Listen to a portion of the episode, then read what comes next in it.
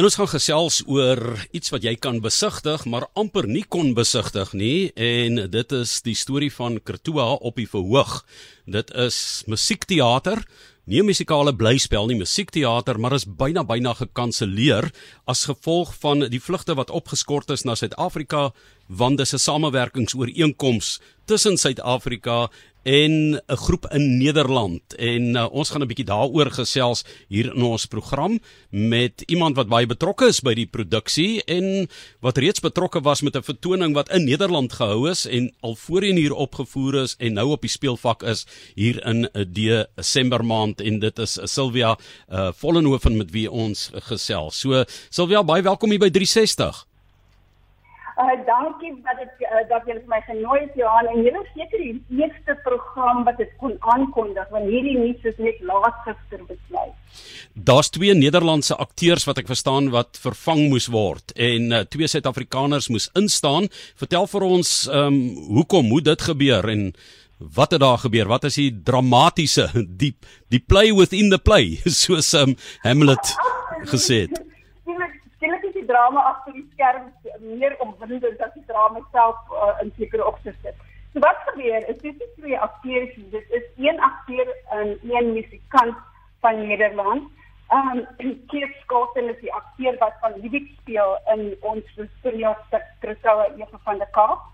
En dan uh Jeff Hofmeister is die musikant wat ook 'n paar cameo rolle in in die stuk speel. Hulle moes op die laaste minuut vervang word en hulle het besluit dat hulle nie meer kan kom nie en dat ons kan aangaan.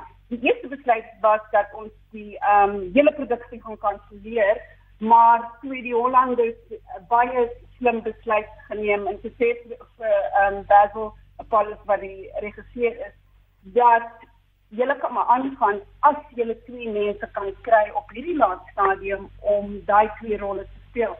En hulle het al uit gegaan en laat gister het Basil Apollos besluit dat ehm um, hy gaan met ehm um, Keon Mel voor wat nou die rol van van van Ripik gaan speel. En Keon is 'n uh, Suid-Afrikaanse akteur. Hy's ook 'n jy nou en ehm um, hy het bekend as sy TV-rol wat in Vallei van Slayers as die karakter Willem Greiling So hy gaan nou van die speel en die musikant wat ook 'n paar cameos speel, gaan ehm um, Rico Lati wees.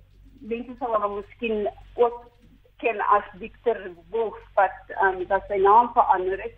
En Rico Lati se album Radio Lava, Lava is deur beeld erken as een van die top uh, een van die 25 Afrikaanse albums wat die top ooit is in die geskiedenis van mm -hmm. Afrikaanse musiek. So ons is baie opgewonde dat hier hierdie twee talentvolle mense nou gaan instap en hulle het letterlik daar om hulle rolle te leer, leer en om die musiek te leer. Ja, dit dit vandag is nou 1 Desember en daar word gefokus op die slawe geskiedenis en slawe vrystelling en Kertua was jy 'n persoon wat ehm um, tussen hierdie Jy weet amper soos Rico Rico Latte is ook bekend vir die wasgoedlyn. Nou Kertoa was soos amper 'n uh, stuk wasgoed wat daar gehang het tussen twee kulture, nê, wat eintlik um gestamp in, in op 'n manier verguis en vergrys is en was in 'n baie moeilike situasie. So um is daar heelwat van van daardie konflik wat in haar was en om haar was in hierdie musiekteater van julle oor Kertoa. Absoluut, absoluut. Kertoa se innerlike kritiese innerlike konflik en die probleme wat ons tans nog mee sukkel is 'n uh, baie groot deel van die toneelstuk. En haar storie is in hierdie in die 21ste eeu is vir ons 'n herinnering dat hierdie probleme ons al eeue lank tuiste. Probleme soos molestasie, probleme soos slawerny, probleme soos ehm um, alkoholisme, jy weet al hierdie goed wat sy nie uh, uh, gepla was in die 17de eeu is nog saam met ons. So die die struktuur van die stuk is dat daar is twee akteurs ehm um, wat die rolle van Christina en en van Rebek moet speel in 'n filmstuk. En hulle sukkel met hulle karakters en die twee akteurs is dan nou Bianca Flanders wat Christina speel en dan ehm um, sou dit gewees het ehm um, die die Hollandse akteur Kees Spartan wat nou die Fion nou uh, wat Fion nou nou nou kan speel. En ehm um, en dan om hulle is hierdie twee musikante wat wat musiek bring wat die storie ook verder neem. Kom ons gesels 'n bietjie oor die belang van Kretoa hedendaags. Jy het nou verwys na van die probleme wat steeds in die samelewing ervaar word, die lesse wat ons ook deur die weergee van hierdie storievertelling van jou kan ervaar in ons huidige land en in die wêreldkonteks. Absoluut. Um, daar jy weet daar is so stories wat persoonlik aan my deur kom klop. En ek het gevind in in my uh, vorige skryfwerk die storie self is op soek na transformasie. En in die proses van die verwerking en die vertelling word ons almal onherstelbaar verander.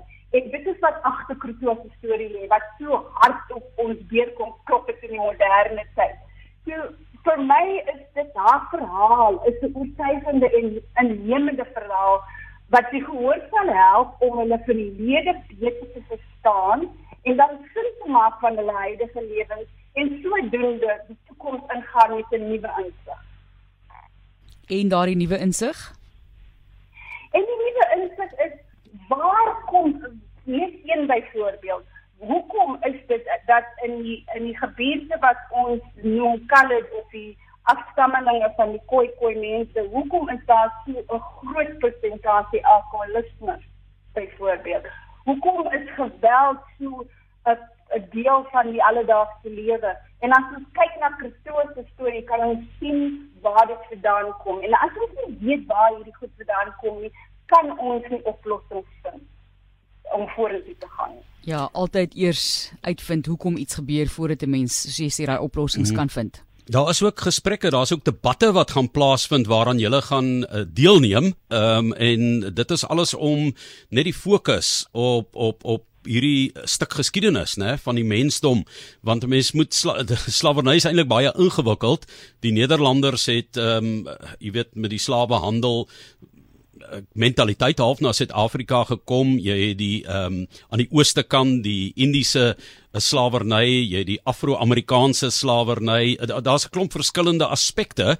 Ons kyk na Kretoa en na die Suid-Afrikaanse situasie, maar ek verstaan daar selfs uh, gesprekke wat ook gaan plaasvind om weer ehm um, die debat net op die tafel te plaas van eintlik heling op die ou end en van ehm um, jy weet verstand houding en van begrip absoluut. En weet jy wat het ons gevind? Hierdie uh, toneelstuk het eh, 'n uh, premier gehad in in Amsterdam. En na die premier in Amsterdam was daar 'n 6 weke toer van Nederland en na dit het ons te Suid-Afrika gegaan. Maar in Nederland en in Suid-Afrika het ons gevind dat jy gehoor word omdat daar soveel issues is wat mense hedendaag mee sukkel. Dom mense na die die na uh, agterna self in hulle wil hierdie goed self hierdie goed werk. Ehm um, en so ons het begin met uh, 'n uh, Q&A net na die die toneelstuk, maar nou het ons later het ons gevind dat 'n formele forum beter is. So op Saterdag, wie Saterdag nou kom, ehm um, by die kasteel in in die Kaap, is daar 'n forum en dit is getiteld Pretoria en die geweld van die geskiedenis. En die twee uh, is die, die Universiteit van Stellenbosch professor Paula geworde maar die Kizela maar die Kizela Universiteit van Kaapstad Kaapstad se Dr. June Dan. Nou Dr. Paula professor Paula se werk kyk na die wat sy noem the afterlife of violence. Hoekom is het hierdie gebeurtenisse in die 17de eeu nog so impak op ons in in die, in die 21ste eeu. En ons gaan deur hierdie goed praat en kyk, jy weet die die forum word beskryf as 'n uh, 'n um, versoek na na 'n quest for healing in ek my Afrikaans nou net baie veel uitgevind. Um 'n quest for healing en wat is dit wat ons kan leer van storie en hoe kan dit help hoe kan dit vir ons help in die 21ste eeu? Ons sê vir baie dankie vir hierdie storievertelling Silvia. Tot wanneer kan mense nog die produksie geniet? Booking at Country Tickets. Dit open op die 9de Desember en voor die openingsaand is daar ook 'n forum uh, wat wat um, waar mense die, waar Dr. Willa besak van van hierdie kwessies gaan aanspreek en dit gaan van die 9de Desember tot die 18de Desember by Kunstekaap.